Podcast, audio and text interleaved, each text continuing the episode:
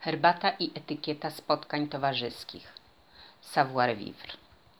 Człowiek jest istotą stadną, poza paroma wyjątkami, które potwierdzają regułę.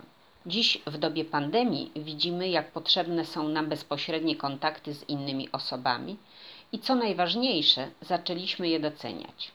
Ciągle z kimś rozmawiamy przez telefon, ale to wszystko jest nie to i nie tak. Pragniemy kontaktu oczy w oczy, dotyku, uśmiechu i tym podobne. Mamy nadzieję, że kiedy pandemia się skończy, czyli kiedy większość z nas się zaszczepi, to nadrobimy zaległe spotkania. Ja swoim znajomym przyrzekłam, że z chwilą, kiedy będzie można się spotykać, zrobię imprezę na 30 osób z tańcami, śpiewami i lejącym się alkoholem. Wpadnij na kawę. W ustroju, jedynym słusznym, PRL, nie mówiło się zapraszam na herbatę, ale zapraszam na kawę.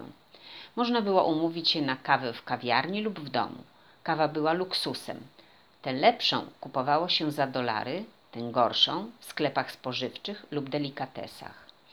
Dlaczego kiedyś nie posługiwano się zwrotem zapraszam na herbatę? Dlaczego nie zapraszało się na herbatę?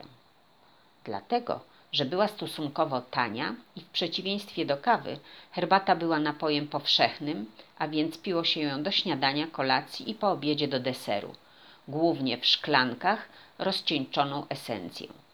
Tu etykieta nie obowiązywała. Dzisiaj zaproszenie kogoś e, na herbatę łączy się z etykietą. Najważniejsza zasada: nie podajemy herbaty w torebkach. Parzymy ją w specjalnie do tego przygotowanym dzbanku, imbryku. Napar podajemy w filiżankach, mile widziane porcelanowe stanowiące komplet z imbrykiem. Zawsze powinniśmy zapytać się naszego gościa, jaką herbatę sobie życzy, czy czarną, zieloną, a może białą lub żółtą. Nauczyliśmy się już prawidłowo ją zaparzać, czyli znamy rytuał. Dla przypomnienia – Wsypujemy odpowiednią ilość suszu, zalewamy adekwatną ilością wody we właściwej temperaturze i zaparzamy w przepisowym czasie. Rozlewamy napar do przepięknych filiżanek. Często do herbaty podajemy małe ciasteczka. Dużych powinniśmy unikać, bo zaproszenie dotyczy herbaty, a nie ciasta. Również można podawać kawałki gorzkiej czekolady. Gość zorientowany powinien zapytać, z jakiego regionu pochodzi serwowana herbata. Ty odpowiadasz, bo przecież wiesz, co kupujesz, a jeszcze dobrze by było dodać z którego zbioru. Dalej przechodzimy do rozmowy, pogaduszek, opowieści i tym podobne.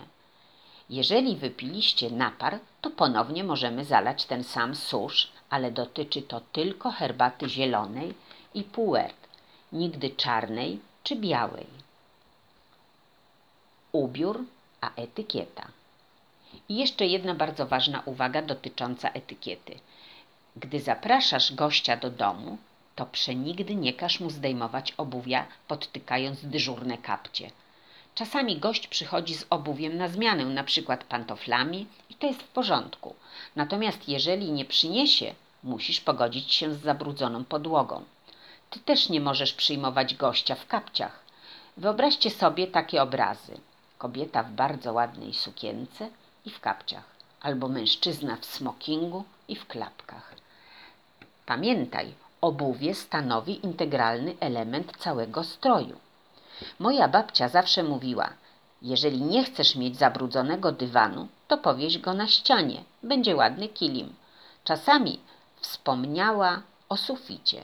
Zresztą ozdobne, piękne dywany wieszane na ścianach wracają i stanowią ciekawy, kreatywny wystrój wnętrz. Herbata i etykieta w kawiarniach i restauracjach. Mówię tutaj o polskich kawiarniach i restauracjach. W herbaciarniach, do których niekiedy zaglądałam, podaje się herbatę w profesjonalny sposób.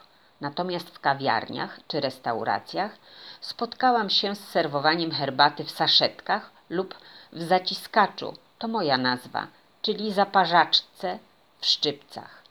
Ściskany susz nie ma możliwości się rozwinąć, a więc traci cały swój aromat. Picie herbaty w biegu to tak, jakbyśmy pili wodę z butelki idąc na spacer lub pobiegać. Zdecydowanie nie polecam. Tu chodzi o czerpanie satysfakcji z picia herbaty, delektowanie się nią. Chodzi o uważność, czyli umiejętność koncentracji uwagi na danej czynności, ale to już inny zupełnie temat. Być może kiedyś o tym napiszę. Jaką herbatę przygotować na spotkanie towarzyskie? Mogą być wszystkie herbaty z krzaka kamelia. Nigdy herbaty ziołowej. Kochanie, przygotowałam ci herbatkę na uspokojenie. Do herbaty, na przykład czarnej, możesz dodać odrobinę naparu owocowej. Fajnie przełamuje smak. Stwórz swój własny rytuał, etykietę picia herbaty, dodając odpowiednią oprawę i zaproś przyjaciół, czyli ludzi, z którymi lubisz przebywać.